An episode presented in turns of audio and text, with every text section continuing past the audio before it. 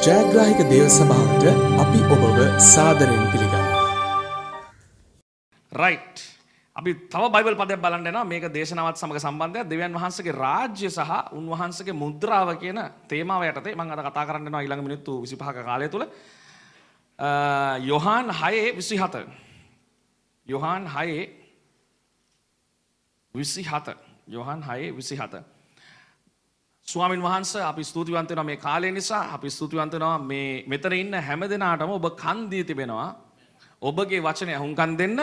ඒ වගේම ඔවුන්ට හදවත් දී තිබෙනවා ඔබගේ වචනය ලබා ගන්න. ඒ වගේම අපි ප්‍රකාශ කරනවා ස්වාමිනී සෑම අන්ධකාරයේ මුලා වෙලා තිබෙනු සෑම ස්ථානයකින් ඔබ සත්‍යය වචනයේ සත්‍යයෙන් ඔවුන්ව මුදවන්න ගලවන්න කියලා අපි ඉල්ලනවා අද මේ උදෑසන යේසුස් වහන්සේගේ නාමයෙන් ඔවුන් රාජ්‍යයේ තිබෙන හැම දෙයක්ම ලබා ගන්න යනවා කියලා ප්‍රකාශ කරනවා. යේසුස් වහන්සේගේ නාමයෙන්. ආමෙන්. හලලූයා. රයිට් උන්වහන්සේගේ රාජ්‍ය දැන් ගොඩක් කට්ටිය කිතුනුව ඉන්නවා. දැන් කී දෙනෙකින් ඇහුවොත් එහෙම ඕගොල්ලන් ක්‍රිස්ටියන්ද කියලා අත් අත් උස්සන ඔක්කොමලා ක්‍රිස්ටියන්. මම ක්‍රිස්තියානි. නමුත් උන්වහන්සේ ආවේ ක්‍රිස්තියානි කියන ආගමක් ප්‍රමෝට් කරන්න නෙවෙයි. යේසුස් වහන්සේ ආවේ ආගමක් මේවා කරන්නේ උන්වහන්සේ ආව උන්වහන්සේගේ රාජ්‍ය ස්ථාපිත කරන්න. ඒක තමයි උන්වහන්සේගේ යාඥාව මතෙව් 6 යාඥා කරන්න උගන්වන්න thank you. මතෙව් 6 වෙනි පරිච්ඡේදයේ අපි දකිනවා කෙලින්ම යේසුස් වහන්සේගේ ගෝලයෝ අහනවා කොහොමද යාඥා කරන්නේ?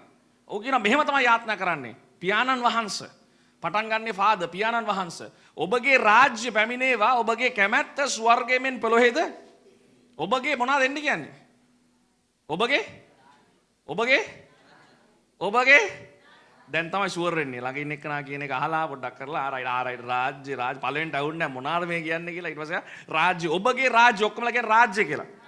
ඔකේ කින්ඩම් උන්වහන්සේගේ රාජ්‍ය තමයි උන්වහන්සේ වැඩි කරන්න ආවේ ලෝකේ. යේසුස් වහන්සේ ස්වර්ගයත් අතහැරලා ආවේ උන්වහන්සේගේ රාජ්‍ය පොළොව තලයේ ස්ථාපිත කරන්න. හලෙලූයා. හරිද අපි දකිනවා කොහොමද උත්පත්ති තුන්වෙනි පරිච්ඡේදයේ යක්ෂයා විසින් උන්වහන්සේගේ රාජ්‍ය ස්ථාපිත කිරීමේ බලය අයින් කරගත්තා. යේසුස් වහන්සේ නැවත ඇවිල්ලා උන්වහන්සේ කුරුසිපත් වෙලා රාජ්‍ය බලය නැවත අපිට දුන්නා. හාලෙලූයා. ඉතින් දැන් අපි ක්‍රිස්තියානි කියන දේ හොඳයි නමට කියන්න. නමුත් අපි රාජ්‍ය තුල ජීවත් වෙන කොට තමයි අපිට ඒ රාජ්‍ය දේවල් ලැබෙන්න යන්නේ. ක්‍රිස්තියානි වුණා කියලා රාජ්‍ය දේවල් සමහර ලැබෙන්නේ නැහැ. ප්‍රශ්නේ තියෙන්නේ සමහරක් කට්ටිය ක්‍රිස්තියානි ඒකලා රාජ්‍ය දේවල් ඉල්ලනවා. ඒක නිකන් ජපානයේ ඉඳලා මේ ඇමරිකාවේ මේ බල මේ ඉල්ලනවා වගේ දේවල්. ඇමරිකාවෙන් දේවල් ඉල්ලනවා වගේ. මම ඇමරිකාවේ සිටිසන්ස් කෙනෙක් කියලා. නෑ එහෙම නෙමෙයි. අපි දැන් ඉන්නේ ශ්‍රී ලංකාවේ අපිට පුරවැසිභාවය රටවල් දෙකක තියෙනවා. එකක් තමයි ශ්‍රී ලංකාවේ පුරවැසිභාවය අනිත් පුරවැසිභාවය කොහෙද? ස්වර්ග රාජ්‍ය ස්වර්ගය කියලා කියන්න බෑ. ඒතකොට ස්වර්ගය යනකල් ඉන්නවා. සමහර කට්ටිය එහෙම තමයි කියන්නේ. කොහෙද අනිත් පුරුෂ ස්වර්ගේ? මට පේනවා ඉන්න විදිහම ස්වර්ගයට එනකල් තමයි බලන්නේ. ඒක තමයි ස්වර්ගයට යන්න බලන ඉන්නේ. හරිද? ස්වර්ග රාජ්‍ය. හරිද? ස්වර්ග රාජ්‍ය ඔක්කොම කියන්නේ ස්වර්ග රාජ්‍ය කියලා. හරිද? ඉතින් ඒ ස්වර්ග රාජ්‍යයේ තිබෙන්නා වූ ඒ පුරවැසි භාවයට හම්බෙන යම්කිසි ආකාරයක ප්‍රතිදාන නැත්තම් ඒකට ලැබෙන මොනවද කියන්නේ? රිවෝ ආ වරප්‍රසාද තියෙනවා. ඒ රාජ්‍ය වරප්‍රසාද. ඒ රාජ්‍ය වරප්‍රසාද ගන්න ඒ සිටිසන්ෂිප් එක තුල ඉන්න ඕනේ. ඒකට යම්කිසි නීති පනක් තියෙනවා. ඒ අනුව ජීවත් වුණොත් තමයි ඒ රාජ්‍ය තියෙන ලෙවල් ලැබෙන්නේ. ගොඩක් කට්ටිය සභාවට ඇවිල්ලා කිතුණුකම පෙන්නලා කිතුණුවෙකු ලෙස ලැබෙන දේවල් ඉල්ලනවා. කිතුණුවෙකු දෙස මොනවත් ලැබෙන්නේ නැහැ. එහෙම මෙහෙන් දේවල් ටිකක් ලැබෙන්න පුළුවන්. නමුත් සත්‍ය මේ පොතේ තියෙන හැම දෙයක්ම ලැබෙනවා. ඔබ රාජ්‍යයේ පුත්‍රයෙක් ලෙස හැසිරුණොත්. හලෙලූයා. ආමෙන්. ඉතින් දැන් අපි ශ්‍රී ලංකාවේ පවුලකට දාව උපන්නහම මේ අපේ අම්මල තාත්තලා මොනවද කියන්නේ? ඉස්කෝලේ යවනවා. අධ්‍යාපනය දෙනවා. ඊට පස්සේ කියනවා දොස්තර කෙනෙක් වෙන්න කියලා. කොන්දොස් නැහැ කොන්දොස්තර කියන්නේ නැහනේ. දොස්තර වෙන්න කියනවා, එන්ජිනියර් කෙනෙක් වෙන්න කියනවා, මොන හරි වෙන්න අධ්‍යාපනයට යවනවා. එක එක දේවල් වලට යවනවා. ඒකලා කියනවා මේක වෙන්න, මේක කරන්න කියලා කියනවා ඒගොල්ලන්. ඒකලා ඒකට සපෝට් එක දෙනවා. ඔක්කොම සල්ලිත් දෙනවා. සමහරලාට ඒගොල්ලන්ට වෙන්න බැරි වෙච්ච දේවල් ඕගොල්ලන්ගේ තුලින් ජීවත් වෙන්න හදනවා. හalleluya. එහෙම දේවලුත් තියෙනවා. ලංකාවේ තියෙනවා මෙහෙ නෑ. හරිද? ඉතින් එහෙම දේවලුත් තියෙනවා. ඒගොල්ලෝ සල්ලි දීලා කොහොම හරි කරලා අරගොල්ලන්ව බලන්නේ. හැබැයි ඒ පළවෙනි ඉපදීම දෙවැනි ඉපදීම තමයි අපි යේසුස් කෘස්තුස් වහන්සේව අපේ ජීවිතයට අපි පිළිගත්තාම අපි අවුලුත් පවුලකට උපදිනවා. අන්න මේක තමයි බෝනගෙන් අර ගහන්නේ දාගෙන මෙන්න බෝනගෙන්. අර කියන බෝනගෙන් නෙවෙයි මෙන්න බෝනගෙන් ඇත්ත බෝනගෙන් මේක. අපි යේසුස් ක්‍රිස්තුස් වහන්සේව අපේ අපි මව්කුස තුලින් උපදුනාම පළවෙනි ඉපදීම යේසුස් ක්‍රිස්තුස් වහන්සේ අපේ ජීවිතයට පිළිගත්තාම අලුත් තාත්තා කෙනෙක් එනවා. ඒක ඒ පවුලට ඇතුල් වීම තමයි born again කියන්නේ. ඔක්කොම ලක්න born again කියලා. හalleluya. නැවත ඉපදීම කියලා කියන්නේත් නෑ. born again කිව්වම දැන් ඔක්කොම දන්නවා. ආ කියන්න ඕනෙත් නෑ ඒක. නැවත ඉපදීම කියන්නේ ඒකයි born again. නැවත ඉපදීම. අලුතෙන් උපදිනවා. දැන් අපි රාජ්‍යයේ පුරවැසියෙකු විතරක් නෙවෙයි. අපි උන්වහන්සේගේ පවුලේ පුත්‍රයෙක් සහ දුවේ. හලලූය. ඒ ඉපදීම තුළ දෙවියන් වහන්සේ කියනවා දැන් අපේ සාමාන්‍යයෙන් අපේ අම්මල තාත්තල කියනවනේ මේක ඉගෙන ගනින් මේක කරපන් සල්ලි දෙනව නේද? ඒකල ඒක කරේ නැත්තම් මට දැන් මම මට මතකයි මම කිව්වහම මේ මම පාස්ටර් කෙනෙක් වෙන්න යනවා කියලා 2500 දිදි හිටිය මාසෙට ඒක දෙන එකක් නැවතුවා. මට නම් සල්ලි දෙන්න බෑ ඕන දෙයක් කරගන්න කිව්වා. ඕ මට මතකයි. සල්ලි දෙන එකක් නැවතුවා. මොනවද වෙන්නේ? තමාගේ දෙමව්පියෝ කියන දේ කරන්නේ නැත්නම් ඉබේම සල්ලි නැතුව යනවා. ඔබ දන්නවද දෙවියන් වහන්සේගේ රාජ්‍යයේ පියාණන් වහන්සේට තියෙන අයිඩියාවක් ඔබගේ ජීවිතේට. ඒක ඔයගලගේ දෙමව්පියෝගේ වගේ නෙවෙයි. මේක 100% 100ට 100ක් සාර්ථක වෙන ප්ලෑන් එකක්. මල්ලි නංගි අක්කේ. හලෙලූයා. රයිට් මේක අනිවාර්යෙන්ම ෂුවර්ම ෂුවර්. රත්තරන් අත් දෙක උස්සලා ගහන්න ඕනේ අප්පුඩියක් ඒකට. හැබැයි ගැහුවේ නෑ. ඔයගලන් නිකන් කඩමණ්ඩේ ඉන්නවා වගේ වෙන්නන්න ඕනේ. හලෙලූයා. හරිද? අන්න එහෙම තමයි ඉන්න ඕනේ. මෙහෙම තමයි. මොකද මං කියන්න දන්නේ? මෙතන වෙන්නේ අපි ඒ පවුලට උන්වහන්සේගේ රාජ්‍ය පවුලට දාව උපන්නාම ඒ පියාණන්ට තියෙනවා ප්ලෑන් එකක් මේක වෙනස් වෙන්නේ නැති සාර්ථකත්වය අනිවාර්යෙන්ම තියෙන අසාර්ථකත්වය කිසිම ආකාරයක නැති සඵලත්වය අනිවාර්යෙන් තියෙන ප්ලෑන් එකක්. හලෙලූයා. දැන් ප්‍රශ්නේ තියෙන්නේ කට්ටිය ක්‍රිස්තියානි වුණා. දැන් බලනවා සඵලත්වේ නැත්තේ කියලා. ප්‍රශ්නේ තියෙන්නේ සඵලත්වේ නැත්තේ ක්‍රිස්තියානි වුණාට තාම අහන්නේ වෙන හඬවල් වලට. දැන් මං කියන්නේ ඔයගොල්ලෝ දෙමෝපියන්ට අහුම්කම් දෙන්න එපා කියන එක නෙවෙයි කියන්නේ. සමහර කට්ටිය අන්න පාස්ටර් අර කිව්වා දැන් මම ඒක තමයි නෑ එහෙම නෙවෙයි මං කියන්නේ. ඔයාලා අනිවාර්යෙන් දැනගෙන ඉන්න ඕනේ. ඒ පියාණන් වහන්සේට තියෙන ප්ලෑන් එකක් ඔබගේ ජීවිතේට. හරිද බයිබලේ කියනවා ඒ ප්ලෑන් එක තිබුණලු ලෝකේ පටන් ගන්නත් කලින්. ඒ කියන්නේ වෙනස් වෙන්නේ නැති ප්ලෑන් එකක් ඒක. ඒ කියන්නේ ඔබ ඉපදෙන්නත් කලින් දැන්ටම ප්ලෑන් එක ගහලා ඉවරයි. ඕගලගේ අම්මලා ඉපදුනන් පස්සේ බැන්නම් පස්සේ ළමයි හම්බුනන් පස්සේ තමයි ඕගලන්ට ප්ලෑන් එක ගහන්නේ. නමුත් ඒ දෙවියන් වහන්සේ ලෝකය මවන්නත් කලින් ඕගලගේ ප්ලෑන් එක ගහලා ඉවරයි. දැන් මේක තමයි අපි අහන්න ඕනේ මොකද්ද කියලා. මේ ප්ලෑන් එකට සූදානම් වුණාම අර බං කිව්වේ අපේ අම්මා එකපාරට සල්ලි දෙන්නේ නැවතුවා කියලා. හැබැයි දැන් ඊට පස්සේ මං කරන්නේ හරි දේ කියලා දැනගත්තම සල්ලිත් දීලා සපෝට් කරනවා. හalleluya. අම්මා නෑ ඔන්ලයින් ඉතින් ප්‍රශ්නයක් නෑ කියන්න පුළුවන් ඕන දෙයක්. හරිද? මොනවද මං කියන්න දන්නේ? ස්වර්ගයේ බැකින් එක එන්නේ. ස්වර්ගයේ දේවදූතයන් නිදහස් වෙන්නේ. ස්වර්ගෙන් ආශිර්වාද නිදහස් වෙන්නේ. උන්වහන්සේගේ ප්ලෑන් එකට සම්බන්ධ වුණොත් පමණයි. ඒකයි සමහර කට්ටිය චර්ච් යනවා ආශිර්වාදේ නැහැ සඵලත්වේ නැහැ ඉතින් බලනවා අනේ මං එච්චර යාත්නා කරන මොකද දන්නව ප්‍රශ්නේ අමාරු වැටුනහම විතරක් තාත්තා ගාවට ඇවිල්ලා කියනවා පොඩ්ඩක් සපෝට් එකක් දෙන්න පුළුවන්ද අන්න ඒ යාත්නා කරන කට්ටිය ඉන්නවා අර පවුල පොඩ්ඩක් අප්සෙට් ගියාම ටක් ගාලා ඇවිල්ලා ගොඩක් හිතුණු එහෙම තමයි ඒගොල්ලන් ඕගොල්ලන්ගේ ප්ලෑන් එක කරලා මට පොඩ්ඩක් හිර වුණා දෙවියන් වහන්සේ පොඩි සපෝට් එකක් දෙන්න පුළුවන්ද නමුත් දෙවියන් වහන්සේ බලාපොරොත්තු වෙන්නේ පොඩි සපෝට් එක නෙමෙයි දෙවියන් වහන්සේ බලාවෙන්න බලාපොරොත්තු වෙනවා ඔබ පුත්‍රයෙක් ලෙස උන්වහන්සේගේ කැමැත්ත මේ පොළොව තලයේ ඉෂ්ට කරන්න උන්වහන්සේගේ හඬ අහලා ඒ දේ කරන එක. හලෙලූයා. ඔක්කොම කියන බෝන් අගේන් කියලා. රයිට්. ලකිනෙක් කියලා කියන බෝන් අගේන් කියලා. ඔය දිගටම බෝන් අගේන් කිය කී ඉන්න ඕනේ දැන්. බෝන් අගේන් බෝන් අගේන් මේක තමයි බෝන් අගේන්. අර ගහන බෝන් අගේන් මේක තමයි. ඒගොල්ලන්ට තේරෙන්නේ නැහැ බෝන්ඩගේන් කියන එකේ ඇත්ත තේරුම මොකක්ද කියලා. ඒගොල්ලන්ට ඒක සමහරලාට පැහැදිලි කරන්නත් බෑ. මොකද ඒගොල්ලන් දන්නේ අපි මේ රටේ පුරවැසියෝ විතරක් නෙවෙයි. අපි ස්වර්ග රාජ්‍යයේ පුරවැසියෙක්. මගේ තාත්තා තමයි ලෝකේ මේ විශ්වයේ තියෙන හැම ලෝකයක්ම මවලා හැම දෙයක්ම තාරුකාවක්ම දාලා ගණන් කරන්න බැරි තරමට තාරුකා තියෙන්නේ මගේ තාත්තගේ වැඩක්. රත්තරන් අත් දෙක උස්සලා මල්ලි දෙන්න දෙන්න. යේසුස් වහන්සේට දෙන්න. අන්න ඒක තමයි කියන්නේ.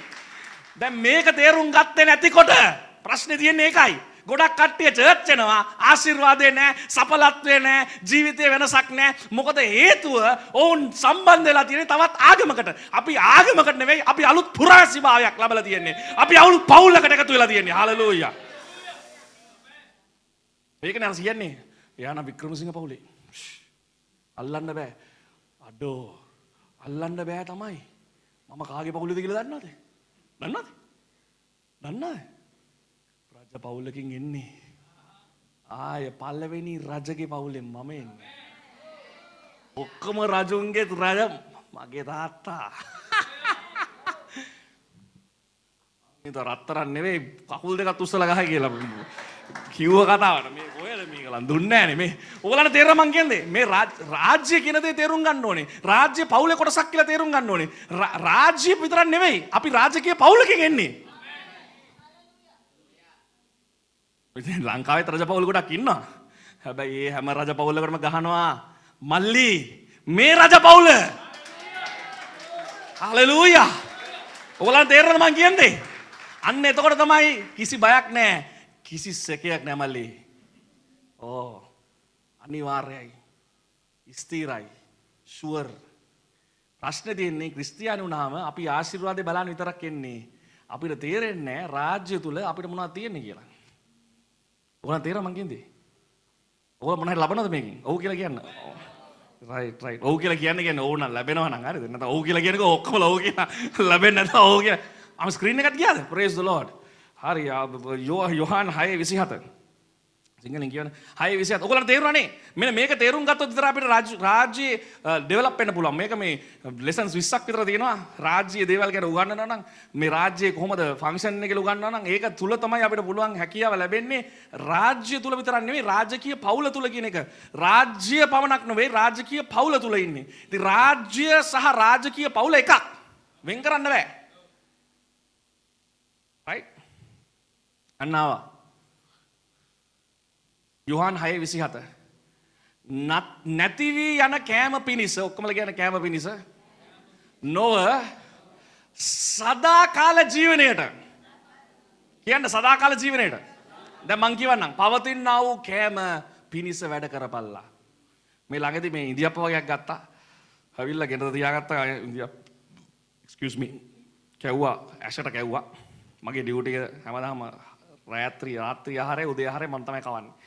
ඒ මගේ තාත්තා කෙනෙක් කෙරේ මගේ මම කරන එක දෙයක්. ඉතින් මම රෑ කෑම කැව්වා යාට. කවල ඉවරලා කියලා කිව්වා දැන් කනවා මං කිව්වා නෑ මං පස්සේ කන්න කියලා මං ගියා යාව නිදි කරන්න දාන්න. ඇෂව නිදි කරන්න දාන්න කියලා. නිදි යාවත් නිදි කරා මමත් නිදිය ගත්තා. එයාව නිදි කරා එයා මාවත් නිදි කරත් දන්නේ නැහැ කොහොම හරි නිදි ගත්තා. හරිද? දෙකෙන් එකක් වුණා. දෙකින් එකක් වෙලා පාන්දර දෙකාමාරයි නැගිටිද්දි. පාන්දර දෙකාමාර නැගිනවා. ඔන්න බාඩගින්න කියන්නේ වැඩක් නැහැ. කෙලින්ම ගියා ඉන්දියාප් එක බලන්න. ඇරපු ගමන් සම්බෝලේ කඳ එනවා. මොකක්ද වෙලා තියෙන්නේ? කෑම නරක් වෙනවා වගේ තමයි ඔබ ජීවිතේ පසුපස යන ඕනම දෙයක් නරක් වෙනවා මල්ලි නංගේ. අක්කේ අයියේ තේරෙනවද මං කියන්නේ? ඕනම දෙයක් නරක් වෙනවා. ඕනම දෙයක් අගේ නැතු යනවා. කාර් එකක් ගන්න බලාගෙන ඉන්නවා කාර් එක අරගෙන මාසයක් පැද්දගල් නෑ සමහරවල් සතියක් පැද්දාම නෑ වෙන කාර්යයක් දිහා බලනවා. ගේ ගෙන්න ගේ ගේතර ඇවිල්ලා සන්න නෑ වෙන ගෙදරක් බලනවා. රයිට් ඇඳුමක් ගන්න ඊට පස්සේ නෑ ඒ ඇඳුමත් තව එකක් මොන හරි ඕනේ. සපත්තු ගා සවල් හපත්තු ඕනේ. ෆෝන් එක ගත්තා මොනවද වෙන්නේ? තව ෆෝන් එකක් බලනවා. මොකද්ද? මේක නවතින් නැති රුදාවක්. ඔව්. නවතින් නැති රුදාවක්. මනුෂ්‍ය රුදාව. නැති වෙන දේවල් කරා ගියොත් මිනිස්සයා විසින් නිපයවපු දේවල් පස්සේ ගියොත් ඒවා අනිවාර්යෙන් නැති වෙනවා. අහගන්න මං කියන්නේ. මිනිස්සයා විසින් නිපදවලා තියෙන ඕනම දෙයක් නැති වෙනවා. ෆෝන් එක කැඩෙනවා. ගත්ත කාර් එක ගඟේ වැටෙනවා. ඒ වාලේ කඩාන වැටෙනවා. මං කියන්නේ ඕගලන් ගෙවල් නේ මං කියන්නේ මේ දේවල් වෙනවා කියලා. ඇයි මොකද්ද මේ කියන්න දන්නේ? ඕන වෙලාවක මනුස්සය හදන ඕනම දෙයක් නැති වෙනවා මල්ලි. එක දෙයක් තියෙනවා නැති වෙන්නේ නැති. උන්වහන්සේගේ ආත්මයෙන් පියාණන් වහන්සේ ඔබගේ ජීවිතයට දෙන ඉරණම මොකෙට්ටවත් ගන්න බෑ. ගන්න බෑ. ගන්න බෑ. ගෙදර ගන්න පුළුවන් ෆෝන් එක ගන්න පුළුවන් ඇඳුම් ගන්න පුළුවන් දත පවා ගලවලා දායි. ඕන්නම්. හැබැයි උන්වහන්සේ දෙන පර්පස් එක ඉරණම අයින් කරන්න බෑ. ඔබ පියාණන් වහන්සේගේ හඬට අහලා කරොත් 100ට 100ක් අනිවාර්යෙන්ම ෂුවර් ෂොට් වන් ෂොට්ම තමයි. තේරෙනවනේ? මෙතන බලන්න. එය මනුෂ්‍ය පුත්‍රයාට උබලාට දෙනසේක. එතන කියනවා යේසුස් වහන්සේට තමයි මේක දෙන්න පුළුවන් ඔබලාට. නැති වෙන්නේ නැති දේ දෙන්න පුළුවන් කාටද? කාටද දෙන්න පුළුවන්? මේ මේ පැත්ත විතරයි කියන්නේ. මේ පැත්ත කියන්නේ නැහනේ. ඇයි? නැති වෙන්නේ නැති දේ කාටද දෙන්න පුළුවන්? යේසුස් වහන්සේට ජීවමාන දෙවියන් වහන්සේ? යේසුස් වහන්සේට. ඔන්න බලන්න. මනුෂ්‍ය පුත්‍රයාට ඔබලාට මක් නිසාද උන්වහන්සේ මත පියාණන් වහන්සේ එනම් දෙවියන් වහන්සේ අනුමත මුද්‍රාව. එවරිබොඩි ඔක්කොමලා කියන්න. මුද්‍රාව කියලා. සෆ්‍රගීසෝ. සෆ්‍රගීසෝ. සෆ්‍රාගීසෝ. ඒක තමයි වචනේ. මුද්‍රාව කියන වචනේ. මුද්‍රාව කියලා ලියන්න සෆ්‍රාගීසෝ කියලා ලියන්න. සෆ්‍රාගීසෝ. ග්‍රීක් වචනය. සෆ්‍රාගීසෝ. දාන්න සිතාරා. සෆ්‍රාගීසෝ. සෆ්‍රාගීසෝ. අල්සයන්න පයන්න F එකත් එක්ක. සෆ්‍රා ගීසෝ සෆ්‍රාගීසෝ. සෆ්‍රාගීසෝ. සෆ්‍රාගීසෝ. ඕකේ ග්‍රීක භාෂාවෙන් සෆ්‍රාගීසෝ මුද්‍රාව දැන් මේ මුද්‍රාවෙන් කරන තුනක් තියෙනවා. ඒ කියන්නේ යේසුස් වහන්සේ ඔබගේ රාජ්‍ය පුත්‍රයෙක් ලෙස යේසුස් වහන්සේව පිළිගත්තාම ඔබගේ ජීවිතේට මුද්‍රාවක් තියෙනවලු. ඉතින් ඒ කාලේ රජයක රජතුමෙක් දෙයක් පිළිගන්නේ උන්ව ඒ රජතුමාගේ මුද්‍රාව තිබුණොත් විතරයි. දැන් සමහරක් කට්ටිය කිතුණුවන් වෙලා තියෙනවා. නමුත් ඔවුන්ගේ ජීවිතයට ඒ රජුගේ මුද්‍රාව ඇවිල්ලා නැහැ. තේරෙනවද මං කියන්නේ? රජුගේ මුද්‍රාව ඕනේ. සෆ්‍රාගීසෝ මේකෙන් කරන කාරණා තුනක් තියෙනවා. නොම්බර එක ආරක්ෂාව ලියන්න. නොම්බර එක ආරක්ෂාව. ලියාගන්න නැත්තම් ලියනවා වගේ ඇක්ට් කරන්නේ. හලලූයා. ඒකත් දෙනවා මම. ඇක්ටිං වලටත් දෙනවා අපි ගන්නත්. සෆ්‍රාගීසෝ. සෆ්‍රාගීසෝ. ආරක්ෂාව. නොම්බර එක ආරක්ෂාව. මේකෙන් කාරණා කරන තුනක් තියෙනවා. රයිට් මේක ගිහිල්ලා ඔයගලන්ට බ්ලූ ලෙටර් බයිබල් කියලා මේ ඇප් එකක් තියෙනවා Google කරන්න පුළුවන්. මේ ඔක්කොම වචන වල තේරුම ඔක්කොම හොයාගන්න පුළුවන්. රයිට් වචනෙන් වචන ග්‍රීක ඇරමික් හෙබ්රු ඔක්කොම හොයාගන්න පුළුවන්. සෆ්‍රාගීසෝ මේ සෆ්‍රාගීසෝ මුද්‍රාව. මෙතන මේ වචනේ මම ගත්තේ එක වචනයක් ගත්තේ. මෙතන මුළු ස්ක්‍රිප්චර් එකම කියවන්න පුළුවන්. එක වචනයක්. මුද්‍රාව. මුද්‍රාව. පුත්‍රයෙක් ලෙස උන්වහන්සේ මුද්‍රාවක් තියෙනවා. ඒ මුද්‍රාවේ මොනවද ගන්න? නම්බර 1 ආරක්ෂාව. ආරක්ෂාවක් සපයනවා. මේ ළඟදී මම වෙඩින් එකකට ගියා. වෙඩින් එක එළියට ආවම මේ සිකියුරිටි ඉන්න අම්බානක එළියේ. ඉතින් මං ඒ එතන රෙස්ටොරන්ට් එකේ සිකියුරිටි ඇහුවා මේ මොකද මෙච්චර සිකියුරිටි නේ කියලා. නෑ මේ අහවලාගේ පුතා ඇවිල්ලා ඉන්නවා. අහවලා නෙවෙයි. අහවලාගේ පුතාට මෙහෙම ආරක්ෂාවක්. හිතන්නේ. අහවලා නෙවෙයි. අහවලාගේ පුතා මං අහවලා ගැන කියන්නේ නෑ මේ net එකෙන් ඉන්න. නමුත් අහවලාගේ පුතා. දැන් ਉਹ දිගටම නිවුස් වල එහෙම අහනවා නේද? අර മന്ത്രിතුමාගේ පුතා. ඔව් නයිට් ක්ලබ් ගිහිල්ලා. එයාගේ බොඩිගාඩ්ලා ගහලා මොකත් මේ කියන්න දන්නේ? මේ ඇයි මේ මන්ත්‍රීතුමාලගේ පුතාලට මෙච්චර ආරක්ෂාවක්? ඔබ දන්නවද? කට්ටිය අනිවාර්යෙන් යන්නේ ඒගොල්ලන්ගේ ළමයින්ට.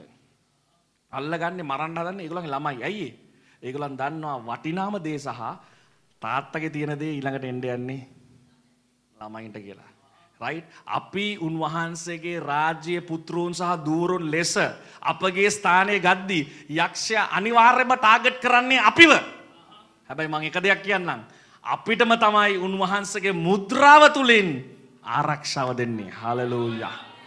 දැන් කිතුණුවෙක් වුණාම සාමාන්‍ය ආරක්ෂාවක් ඉන්නවා. හැබැයි පුත්‍රයෙක් වුණාම පුතා කම්පනියට වැඩ කරන්න පුළුවන්. එතකොට සිකියුරිටි දෙනවා. හැබැයි කම්පනි අයිතිකාරයා පුතා නම් දෙයනේ. ආ මොනවද කියන්නේ? මල්ලි. කොපොඩි සපෝට් එකක් දෙන්නකෝ. ආයේ මොනවද කියන්නේ? ස්වර්ගෙම යවන්නේ ඇයි දන්නවද? ඇයි? පුත්‍රයෙකු ලෙස හිටියාම පුත්‍රයාට ලැබෙන ආරක්ෂාව ලැබෙනවා. ඒ පුත්‍රකම තුල දූක දුවරෙක් ලෙස එයා හැටියට ඇවිදිද්දි ඔබ පොළවේ එයා හැටියට ලංකාවේ ඇවිදිද්දි එයා හැටියට ඔබ කරන දේ කරද්දි උන්වහන්සේකට බැකින් එක දෙනවා. හලලූයා. හරිද? ඉතින් යක්ෂයාට මේ ආරක්ෂාව දෙන්නේ දෙවියන් වහන්සේ දෙවියන් වහන්සේගේ පර්පස් එක කරන කට්ටියට විතරයි. ඒ ආකාරයට ආරක්ෂාව දෙන්නේ. අනිත් කට්ටියට ආරක්ෂාව දෙනවා. නමුත් උන්වහන්සේගේ ඉරණම කරා යන කට්ටිය ඉන්නව නේද? අර සමහර කට්ටිය කියන්නේ මගේ අම්මා නම් ඉතින් මල්ලිට තමයි ආදරේ. මල් නැති හින්දා කියන්න පුළුවන්. අම්මා නෑ මෙතන ඉතින් කියන්න පුළුවන්. මල්ලිට තමයි ආදරේ. මොනාගේත් එයා වැඩිපුර ආදරයක් තියෙනවා. එයා කියනවා මේමයි අරකයි මේක කියලා ඒකත් කියනවා. ඔව් මේ ආදරේ මෙහෙම හින්දා. ඔයා නම් හොදට ඉන්නවනේ. ඉතින් එයා හින්දා දැන් දෙමව්පියන්ට තියෙනවා පොඩි මේකක්. රයිට්. ඔයාලට තේරෙනවා මං මං කියන්නේ තේරෙනවද? ඒ වගේ දෙවියන් වහන්සේගේ පුත්‍රයෙකු ලෙස හැසිරෙන මිනිස්සයාට 16ක් ලෙස හැසිරෙන මිනිස්සයාට දෙනවද? ඒ සිකියුරිටි එක. පුත්‍රයෙක් ලෙස හැසිරෙන මිනිස්සයාට උන්වහන්සේ දෙනවා සිකියුරිටි එක. මම තාත්තගේ ප්ලෑන් එක කරන්නේ. යේසුස් වහන්සේ මොනවද කිව්වේ? මම තාත්තා කියන දේ කරන්නේ. මම තාත්තා කරන දේ තමයි කියන්නේ. තාත්තා කියන දේ තමයි අහගෙන ඉන්නේ. ඇයි ඒ දිගටම කිව්වේ? Father father father. දිගටම කිව්වේ අර ෆාදර් පල්ලියේ ෆාදර් නෙවෙයි. ෆාදර් ෆාදර් කියලා කිව්වේ තාත්තා තාත්තා තාත්තා කියලා කිව්වේ. තාත්තා කියන දේ, තාත්තා කරන දේ, තාත්තා දකින දේ මං කරන්නේ. අපි ඒ වගේ වුණාම අපේ ආරක්ෂාව වැඩි වෙනවා. සමහරක් කට්ටිය දැක්නම දැකලා තියෙනවා ඔබගේ ජීවිතේ ආරක්ෂාව වලල්ල ගිහිල්ලා ඇයි? ඔයගලන් කිතුණුවෙක් වෙලා ආශිර්වාද වෙන්නේ. දාසකමෙන් ඒ ආරක්ෂාව ලැබෙන්නේ නැහැ. පුත්‍රකමෙන් තමයි ඒ ආරක්ෂාව ලැබෙන්නේ. හලලූයා. වෙලා තියෙනවද දන්නේ නැහැ. කමන්නේ දෙවෙනි එක. අපි දකිනවා යේසුස් වහන්සේ ගොඩක් අවස්ථාවල කුරුසේ යන ගහන්න කලින් මිනිස්සු ආවා ඌව අල්ලගන්න. හැබැයි එතන හැම වෙලෙම කියනවා ඔහු සම්මා කොහොම හරි ගියා කියලා. ඇයි උන්වහන්සේගේ නියමුතු වූ කාලයට කලින් යක්ෂයා කරන්න උත්සාහ කරපු කිසිම දෙයක් හරි ගියේ නැහැ. හැබැයි ඒ වුණ දෙත් වුණේ මැරිලා නැවත නැගිටලා යක්ෂයාගෙන් හැම දෙයක්ම අයින් කරගන්න.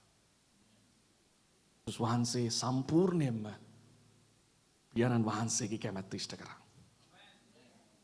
ටිකක් අමාරු වෙලා තිබුණා මොකද ඔහු කිව්වා අන්තිම මොහොතේ මොනවා කිව්වේ? පියාණනි ඔබ කැමති නම් පුළුවන් නම් මේ කප් එක කුසලානේ අයින් කරන්න. ඒ කියන්නේ මේ වැඩේ පුළුවන් නම් අයින් කරන්න. එච්චර අමාරු හිටියේ. හැබැයි ඒත් ඔහු කිව්වා සමහරලාට අමාරු අවස්ථාවල පවා අපි දෙවියන් වහන්සේට කිව්වහම ස්වාමිනී මම ඔබ කියන දේ මම කරනවා කියලා. එතන උන්වහන්සේ ආරක්ෂාවක් සපයනවාමයි. හාලලූයා. මේක තේරෙනවා මං කියන්නේ. හාලලූයා. දෙවෙනි දේ. සැඟවීම. මේ මුද්‍රාවක් දුන්නාම හංගන්න පුළුවන්. මේ මේ මුද්‍රාව තියවන දේවල් ඕ පණිවිඩ එහෙම යවද්දී ලොකු ආරක්ෂාවක් දුන්නා. නිකන් රජතුමාට ආරක්ෂාව දෙනවා වගේ ලියමනක් යවද්දී ආරක්ෂාවත් එක්ක යවන්නේ. ඒ වගේම ඒ මුද්‍රාව දාලා රජතුමෙක් යම් කිසි ආකාරයක සංගවන්න ඕන දේවල් සැගෙව්වා. ඔක්කොම දැනගන්න බෑ. කට්ටියකට පමණයි. රයිට් මේ මුද්‍රාව තියෙද්දි පුත්‍රයන්ට තමයි උන්වහන්සේ සංගවන්නේ. උන්වහන්සේ අපිව හංගනවා. කියන්නේ යක්ෂයාට දකින්න නැති විදිහට හංගනවා. යේසුස් වහන්සේව සැඟෙව්වා. හෙරොද්ගේ හෙරෝද්ගේ සේනාවෙන්. රයිට් සංගවන්න පුළුවන්. අපි හිටියා මියන්මාවල මං ගියා 2009 හරි ඒ කොහේ හරි 2009 හරි 6 හරි මට මතකයි මේ බුරුමේ මියන්මා දැන් දිගටම සටන් යනවා ඒ අපි ගියා මේ යූත් කොන්ෆරන්ස් එකක් ගන්න. පළවෙනි දවසේ යූත් කොන්ෆරන්ස් එක 2400ක්.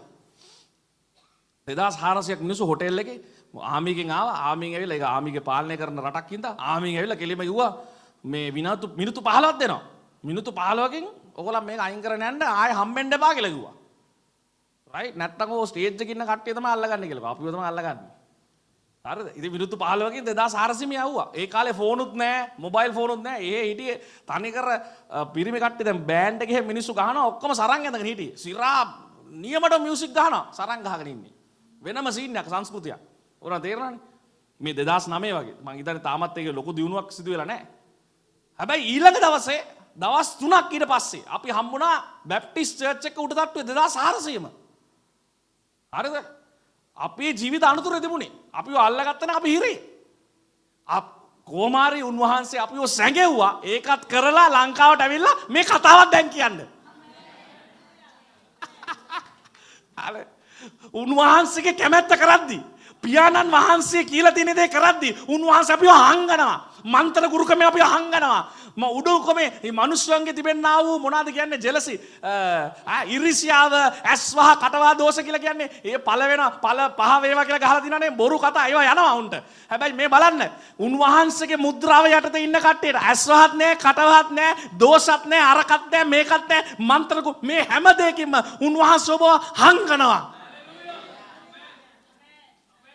අලලූයා. තේර මං කියන්නේ හංගනවා උන්වහන්සේ.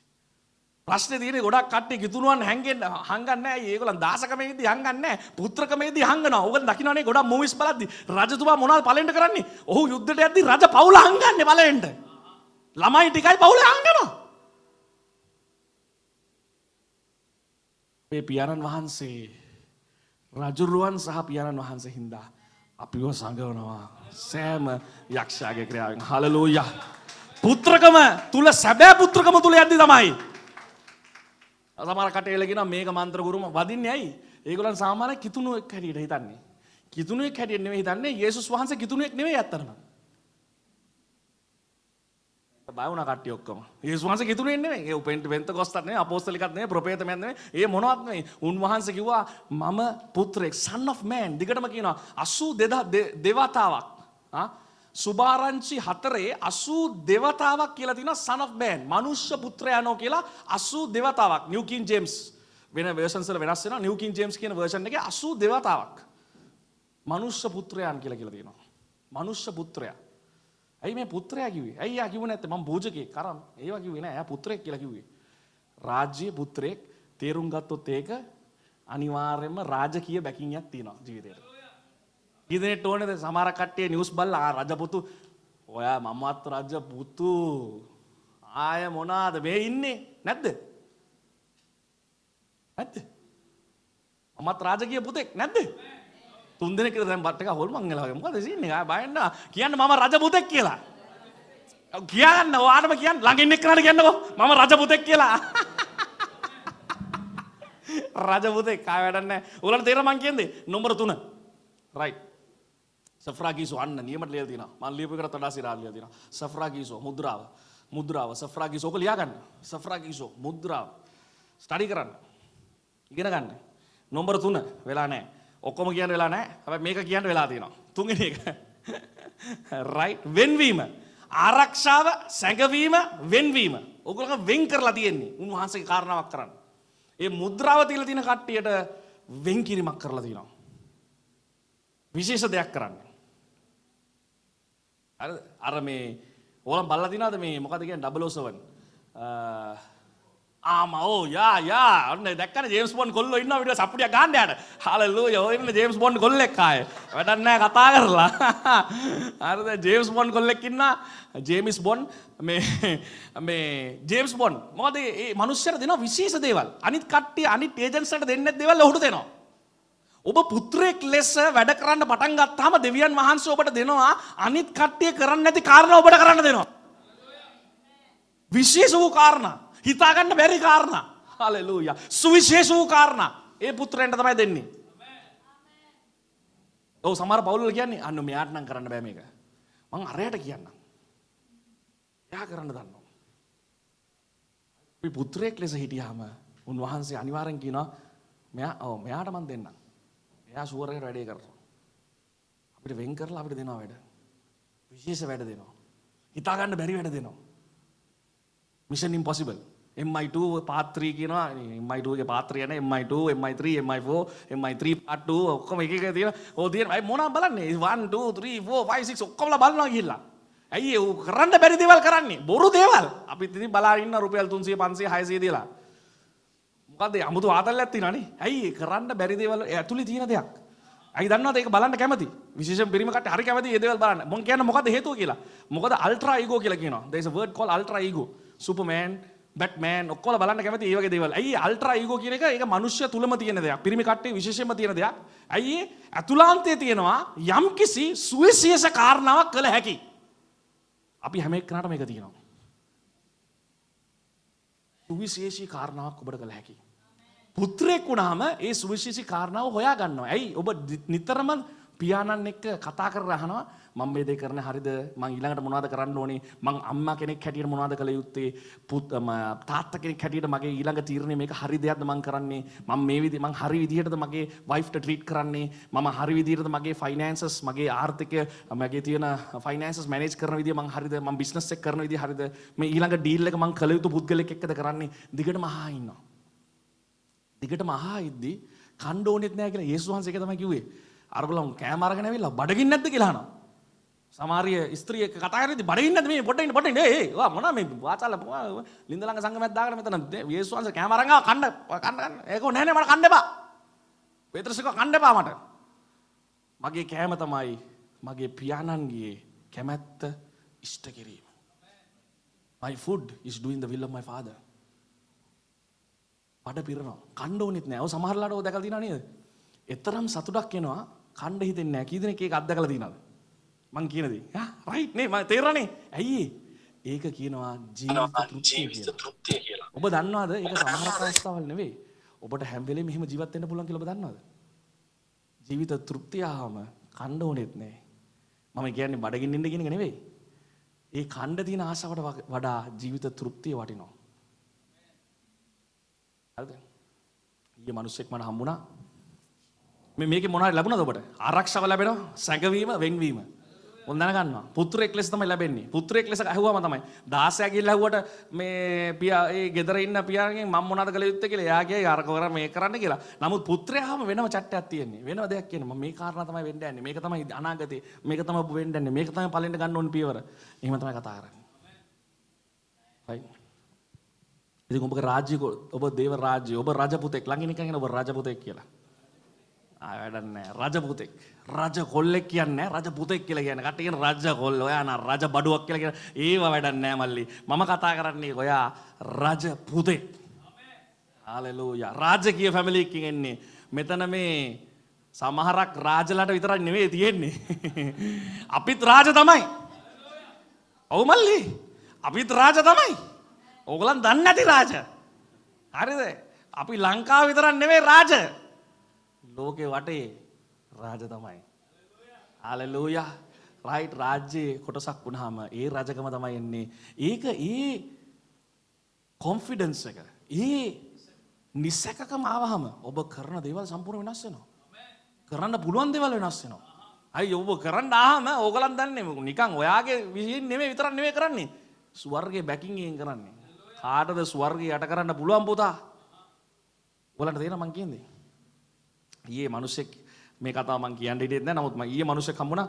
මම මේ කෑම ගන්න ගිහලා ඉද්දි ආ ඊට පස්සේ ඔහු මාත් එක්ක කතා කරලා හිටියා. මේ ආ ඉතින් මම අහුවා ඊට පස්සේ මේ කතා කරගෙන ඉන්න ගමන් මං කිව්වා මේ රටේ තියෙන තත්ත්වෙත් එක්ක එයා එක එක දේවල් කිය හිටියා මගේ මේ මේ මල්ලි ඉන්නේ ඕස්ට්‍රේලියාවේ අරම මේවා මං කිව්වා හරි හැබැයි පරිස්සමෙන් ඉන්න මොකද දැන් ඕස්ට්‍රේලියාවේ ගොඩක් කට්ටියගේ සිටිසන්ෂිප් ගන්න තියෙන අවස්ථාව ලබාගෙන යන්න ඉගෙනගෙන යනවා බාගෙට සිටිසන්ෂිප් හම්බෙයි කියලා උන් අයින් කරනවා. ඉතින් පොඩ්ඩක් බලාගෙන ඉන්න අරම මේවා කියලා කතා කරන ගමන් ඔහු ඇහුවා මේ මං කිව්වා ජීවිතේ යම් කිසි දෙයක් තියෙනවා. හරිද? ඒ දේ තමයි ජීවිත තෘප්තිය කියන්නේ. මං කෝ ඕස්ට්‍රේලියාවේ තරක් කොහෙ ගියත් වැඩක් නැහැ. දැන් මගේ ගෙදර අම්පිට ගිහිල්ලා අම්මා කෙලින්ම පොල් සම්බෝලේ හදලා පරිප්පු එක හදලා ඔලා මාරයි. හරිද? කෙලින්ම කරවල ටික බැදලා දුන්නාම මල්ලි. තේරුණාද? ආ ඒකලා ඒ බත් කටක් කෑවම උදේට කිරිබත් එකයි ලුණු මිරිස්සයි කෑවම හැමදාම ගියොත් අනිවාර්යෙන් උදේට කිරිබත් එක දෙනවා. දවල්ට ඉරියොත් මේක හදලා දෙනවා මං කන්න කැමතිම දේ. ඒක හදලා දුන්නාම මල්ලි. ඒ දැන්න සතුට ලෝකේ නෙවෙයි ඇමරිකාවේ නෙවෙයි ස්විට්සර්ලන්තේ නෙවෙයි. අඳේ ගියත් වැඩක් නැහැ. ඒ ලැබෙන තෘප්තිය. ඔයගොල්ලන් කී දෙනෙක් මේ තේරෙනවද මං කියන්නේ? ඒ ලැබෙන තෘප්තිය වැඩක් නැහැ කතා කරලා. රයිට්? ගෙදර ඊට පස්සේ ඉඳගත්තාම අම්මගේ අතින් තේ එකක් හදලා දුන්නාම රයිට්? ගෙදර මහන්සිලා ගියාම වයිෆ් ගේ අතින් තේ එකක් හදලා දුන්නාම ඒක පොඩ්ඩක් ඉඳගෙන කකුල් ටිකක් උඩ දාලා ඒකෙන් තේකේ උගුරු දෙකක් ගැහුවාම ඕස්ට්‍රේලියාවේ නෙවෙයි හඳේ ගියත් මල්ලි ඒක ලබා ගන්න බෑ. මොකක්ද දන්නවද ඒකට කියන්නේ? ජීවිත තෘප්තිය කියලා කියන්නේ. මං ඒක කිව්වහම මනුස්සයර කඳුළු ආවා. ඊට පස්සේ කිව්වා ඔයා මොනවද කරන්න කියලා කිව්වා. මං කිව්වා මම මනස රිහැබිලිටේට් මයින්ඩ් රිහැබිලිටේෂන් මනස පුනරුත්ථාපනය කරන ප්‍රෝග්‍රෑම් එකක් කරන්න කියලා මං කිව්වා. I am doing a mind rehabilitation program for young people. Ah, seriously, can I also join? මම යා හිටියා. කාඩ් එකක් දුන්නා. කොහෙද වැඩ කරන්නේ? මේ ඇසිස්ටන්ට් මැනේජර් කෙනෙක් මේ අතර මේ ඇතුලේ බුද්ධගම පාර ඇතුළේ දැම්මම අර BMW එක තියෙන්නේ. ෂෝරූම් එකක් තියෙනවා BMW. ඒක ඇසිස්ටන්ට් මැනේජර්. ඇහුවා මටත් මේ ප්‍රෝග්‍රෑම් එක ජොයින් වෙන්න පුළුවන්ද කියලා ඇහුවා. right? මනස I said I am working mind rehabilitation. මනස පුනරුත්ථාපනය කරනවා. මං කවා ජීවිතයේ සැබෑ තෘප්තියක් විඳින්න. ඒක නම් ඇත්ත තමයි. ඔයා කියපු දේ මං හිතලා නැහැ. හැබැයි ඒක ඇත්තම ඇත්ත. ඔයා තීරණාද මේ දේ කොහෙවත් ලැබෙන්නේ නැහැ. සමහරක් කට්ටිය මෙතන ඉඳලා ඕගලන් සමහරලාට අපි හැම වෙලේම බලන්නේ ලොකු ගෙවල් ලොකු හැබැයි ජීවිත තෘප්තිය. මං කවා ජීවිත තෘප්තිය මේකයි. මං S2 වැහුවාම මට ලෝන් නැහැ. මට නිදිය ගන්න පුළුවන් හොඳට. නිදියලා ගොරවලා කෙල පෙරා ගන්න නැගිටින්න පුළුවන්. මල්ලි ඒක හැමදාම ලැබෙන්නේ නැහැ. ඔයගොල්ලන් මට තේරෙනවා මං කියන්නේ. සමහරක් කට්ටිය හිතනවා නෑ නිින්ද තමයි අපිට ලොකුම අවශ්‍ය ලොකුම දේ. මොකද ජීවිතේ තුනෙන් එකක් නිදිය ගන්න එකයි කරන්නේ. ඒකත් හරියට කරගන්න බැරි නම් තුනයි දෙක ජීවත් වෙන්නේ නැහැ. ඇයි පුළුවන්? ජීවිත තෘප්තිය තියෙන නිසා. ඒක ලැබෙන්නේ කිතුණෙක් වුණ හින්දා නෙවෙයි. ඒක ලැබෙන්නේ පුත්‍රයෙක් වුණා. ඒ දන්නවද? දැන් මගේ පුතා හොඳට නිදිනවා. ඌත් ගොර ගොර නිදා මමත් ගොර ගොර වයිෆුත් බුදිනා මම නිකන් කියන්නේ එයාත් බුදිනා මමත් බුදිනා මොකද්ද මේ කතාව මේ කතාව මං කියන්නේ ඇයි කියලා එයා බුදියන්නේ ඇයි දන්නවද එයා දන්නවා වැඩ කරන්න ඕනේ දඟලන්න ඕනේ පැම්පරේ කක්ක ගියොත් මම අයින් කරනවා චෝ කරොත් ඒක නාවන උදේට වෙන මොනාද ඩාලින් වෙන මොනාද මේකයි ඕගලන් දැනගන්න ඕනේ මොනවද දෙයක් කරන්න එපා කියන දේ නෙවෙයි. ඕගලන් කරන දේ හැම දෙයකටම අනිවාර්ය බැකින් එකක් තියෙනවා කියලා තේරෙනවා. ඔබ රාජ්‍ය පුත්‍රයෙක් වුණාම. රයිට් මේ මුද්‍රාව ලබා ගන්න ඕනේ අපේ ජීවිතේ. මුද්‍රාව අපේ ජීවිතේ තියෙන්න ඕනේ. මුද්‍රාව ආවම ආරක්ෂාව ආයනවා. මුද්‍රාව ආවහම සැඟවීමක් එනවා. මුද්‍රාව ආවහම මොනවද වෙන්නේ? වෙන්වීමක් එනවා. අපි දැනගන්නවා අත්‍තරම අපේ ජීවිතේ එක්ක මොනවද කරන්න ඕනේ කියලා. ඒතොර බයික් එකේ කාර් එක නෙවෙයි. අපි බලන්නේ මගේ ජීවිතයෙන් මට මොනවද මේ ලෝකෙට කරන්න පුළුවන් කියලා. අපි නැගිටිමු. හාලෙලූයා. ඔබට අපහා සම්බන්ධවීමට අපට දුරකථන ඇමතුමක් ලබා දෙන්න. බිඳුවයි එකයි එකයි හාරසිය තිස්තුනයි අනුවයි අනු එක. එමෙන්ම ෆේස්බුක් ඔස්සේ ඔබට අපහා සම්බන්ධවීමට නම් අප පිළිබඳ වැඩිදුර තොරතුරු දැනගැනීමට නම් ඕවකමස්චත් සිංහල ෆේස්බුක් පිටුවට පිවිසෙන්න. ඔබට ආශිර්වාදමත් දවසක් වේවා.